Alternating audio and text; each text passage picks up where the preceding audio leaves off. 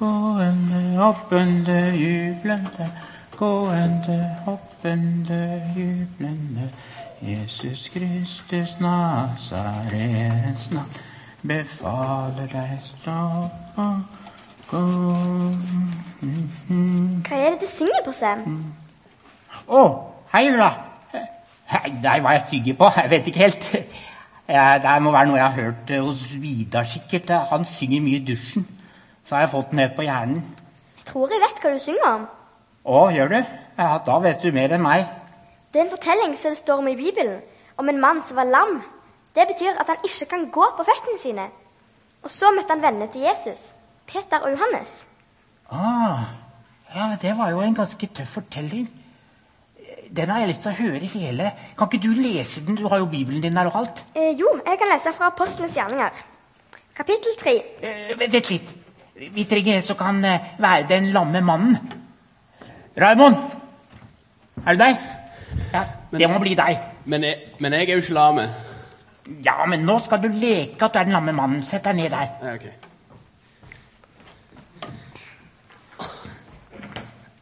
Nå kan du lese, Ulla.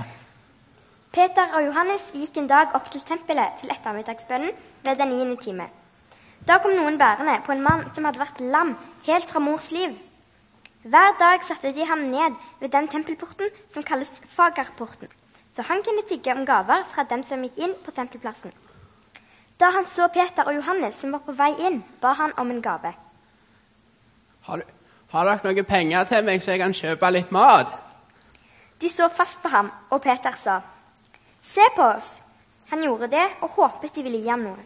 Men Peter sa, Sølv eller gull har jeg ikke, men det jeg har, vil jeg gi deg. I Jesu Kristi Nazareans navn, reis deg og gå. Og han grep ham i høyre hånd og reiste ham opp. Straks fikk han styrke i føttene og anklene. Han sprang opp, sto på føttene og begynte å gå omkring. Han fulgte dem inn på tempelplassen, hvor han snart gikk, snart sprang, mens han sang og priste Gud. Og alle så hvordan han gikk omkring og lovpriste Gud. De kjente ham igjen og visste at det var han som pleide å sitte ved fagrapporten og tigge om gaver.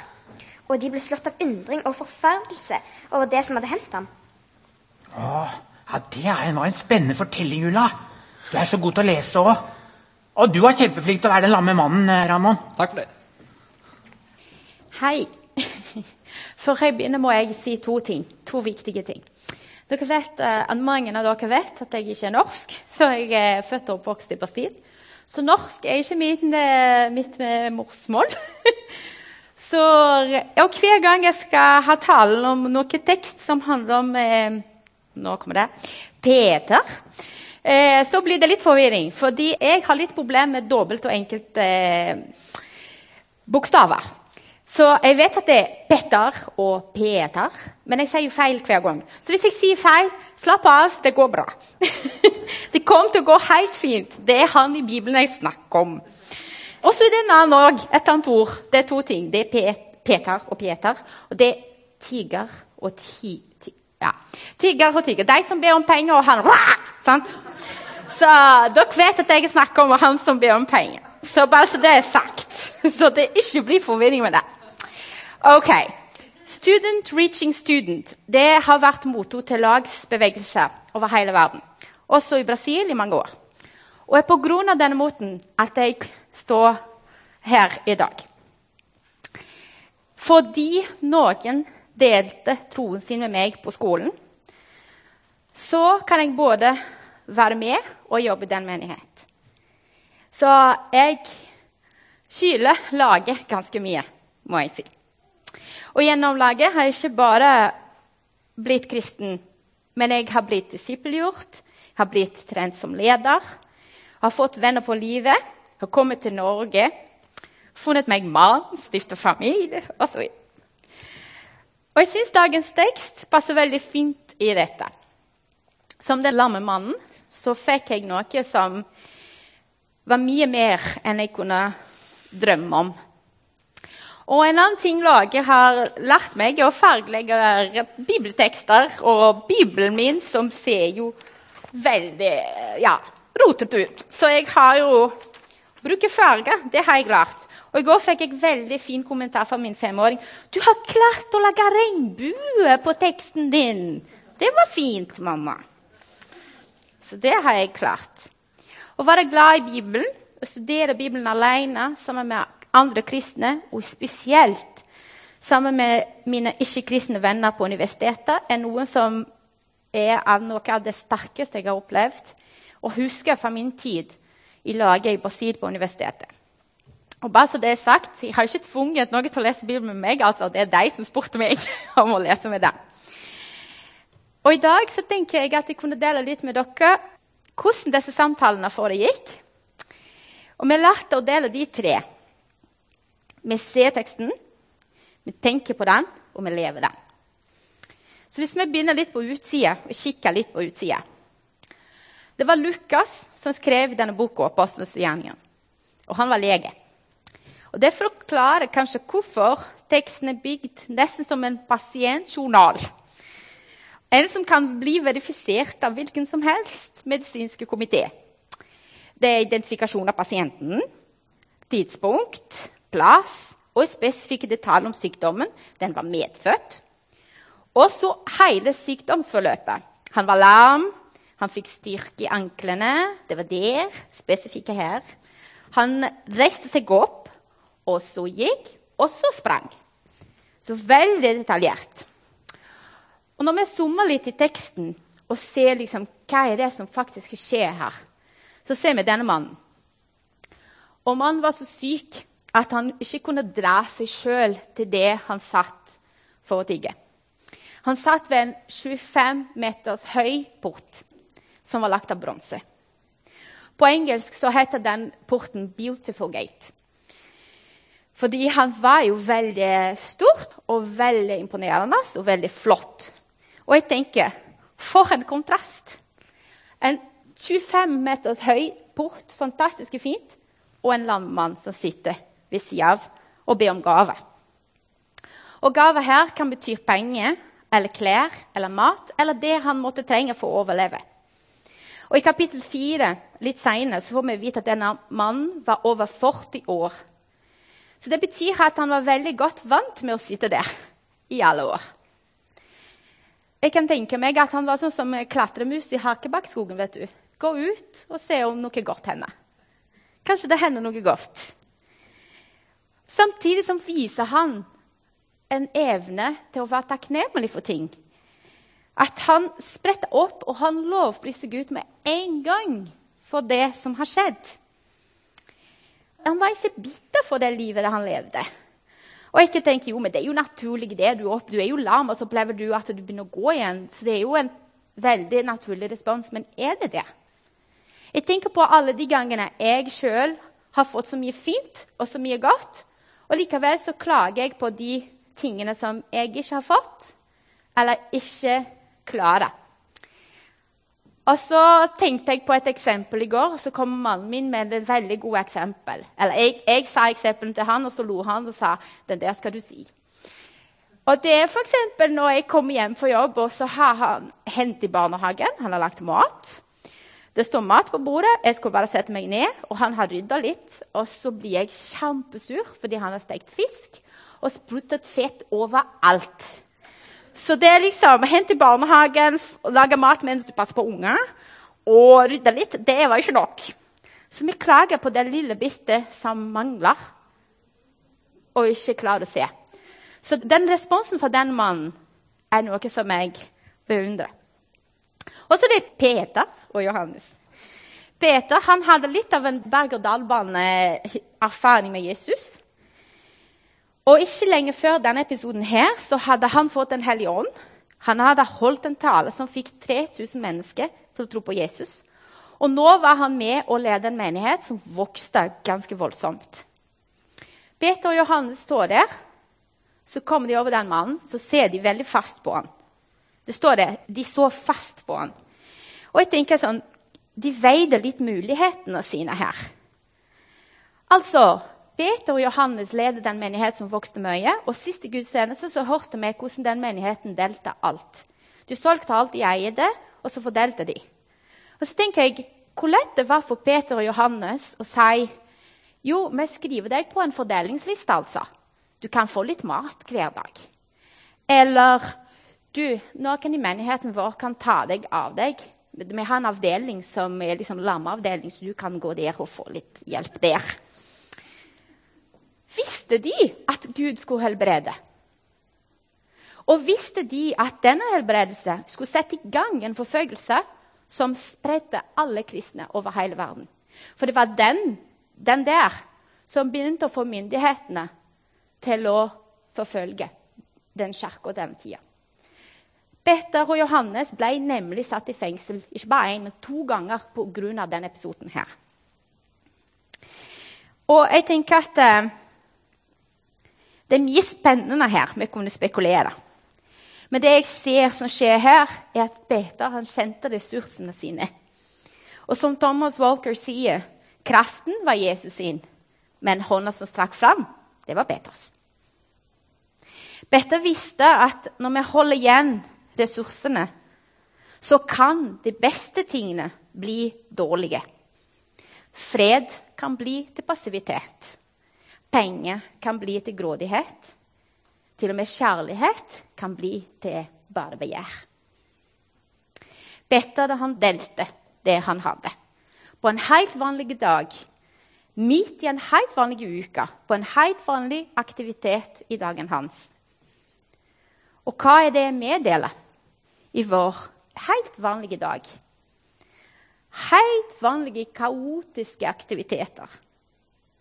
Hvem deler vi med? Og Hvis vi zoomer litt ut av dette og ser denne fortellingen i vid vinkel og tenker litt, så ser vi at Lukas bruker samme mønster på kapittel 2 av Apostles gjerninger som han bruker på kapittel 3. Det skjer noe veldig ekstraordinært. Peter han en tale. Folk blir sjokkerte, og det får konsekvenser for kirka. I kapittel 2 så kom Den hellige ånd. Puff! Folk som hadde ingen utdannelse, begynte å snakke et annet språk og bli masse forvirring. Petter reiser seg opp, han taler, og han sier Jesus var Messias.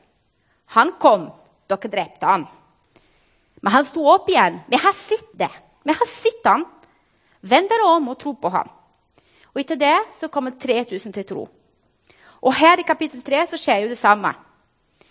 Profetien fra Isaiah 35, 6 blir oppfylt.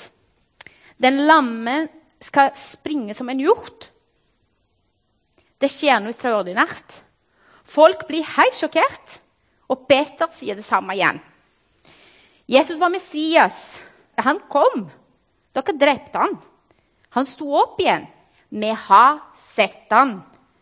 Vend dere om og tro på han. Og etter dette så blir det forfølgelse. Og kirken sprer seg og vokser enda mer. Og denne episoden får igjen Peter til å bli fengsla to ganger og bli løslatt igjen to ganger. Og myndighetene ber Peter og Johannes om å holde hold munnen. Det er greit at dere gjør disse gode tingene, men slutt å mase om den Jesus som har stått opp. Slutt med det. Men det slutter ikke. De må løslate dem fordi de kan ikke nekte alt som skjer. De kan ikke nekte noen av de tingene de sier. De kan ikke nekte pinsen. De kan ikke nekte det som skjedde med den 40-åringen. De kan ikke lenger nekte at Jesus har stått opp. Han lever igjen. Og som Lukas sier i begynnelsen av boka, helt i begynnelsen av apostelsgjerningen, Jesus fortsetter å gjøre gjerningene sine gjennom sine disipler. Han lever ennå. Og som C.S. Lewis sier The resurrection and its consequences were the gospel or the good news which the Christians brought.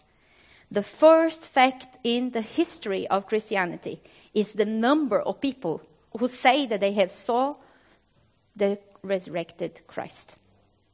Jesus lever ennå. Det er håp. Som student så var jeg veldig engasjert for å bekjempe fattigdom og urett. Å studere jus var min første steg mot å rydde og redde hele verden.